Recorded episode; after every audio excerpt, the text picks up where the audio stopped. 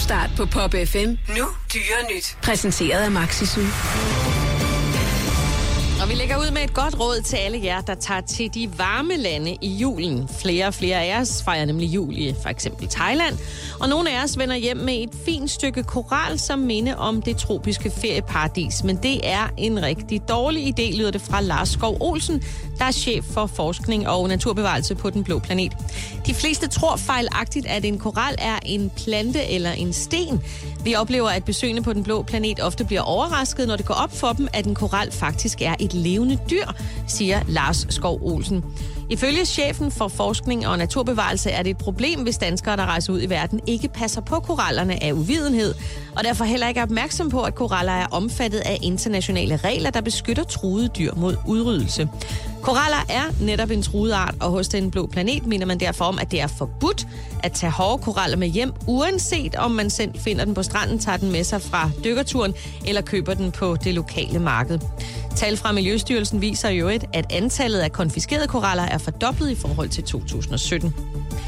Vi skal lige en tur omkring Zoologisk Have i København. Her kan man besøge dyrene hver eneste dag året rundt. Men hvis man tager på julevisit i år, kommer man til at kigge længe efter hun, isbjørnen Lin.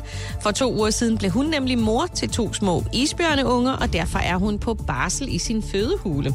Desværre overlevede kun den ene af ungerne, men videnskabelig direktør Bengt Holst er alligevel en stolt sugefar. Der har nemlig ikke været isbjørneunger i zoo siden 1996. Det er en rigtig stor begivenhed for os, men det er stadig meget tidligt i forløbet, og de første to-tre uger er særdeles kritiske, som vi også allerede har set med den ene af ungerne, siger Bengt Holst. Han fortæller, at den nybagte mor frem for alt skal have ro. Selv den mindste forstyrrelse kan få hunden til at reagere voldsomt. Isbjørneungen og hunden tilbringer de første to måneder af ungens liv i fødehulen.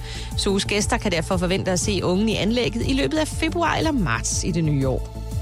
Vi slutter med udsigten til en god jul, i hvert fald for en 16-årig dreng fra Blands i Sønderjylland, der forleden måtte hjælpe sin kat ned fra et træ.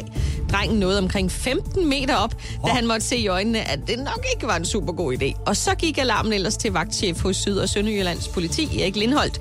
Vi kørte straks til stedet. Brand og redning kom med deres stigevogn for at hjælpe ham ned. Katten fandt selv ned, men vi måtte hjælpe drengen, forklarer vagtchefen til TV Syd.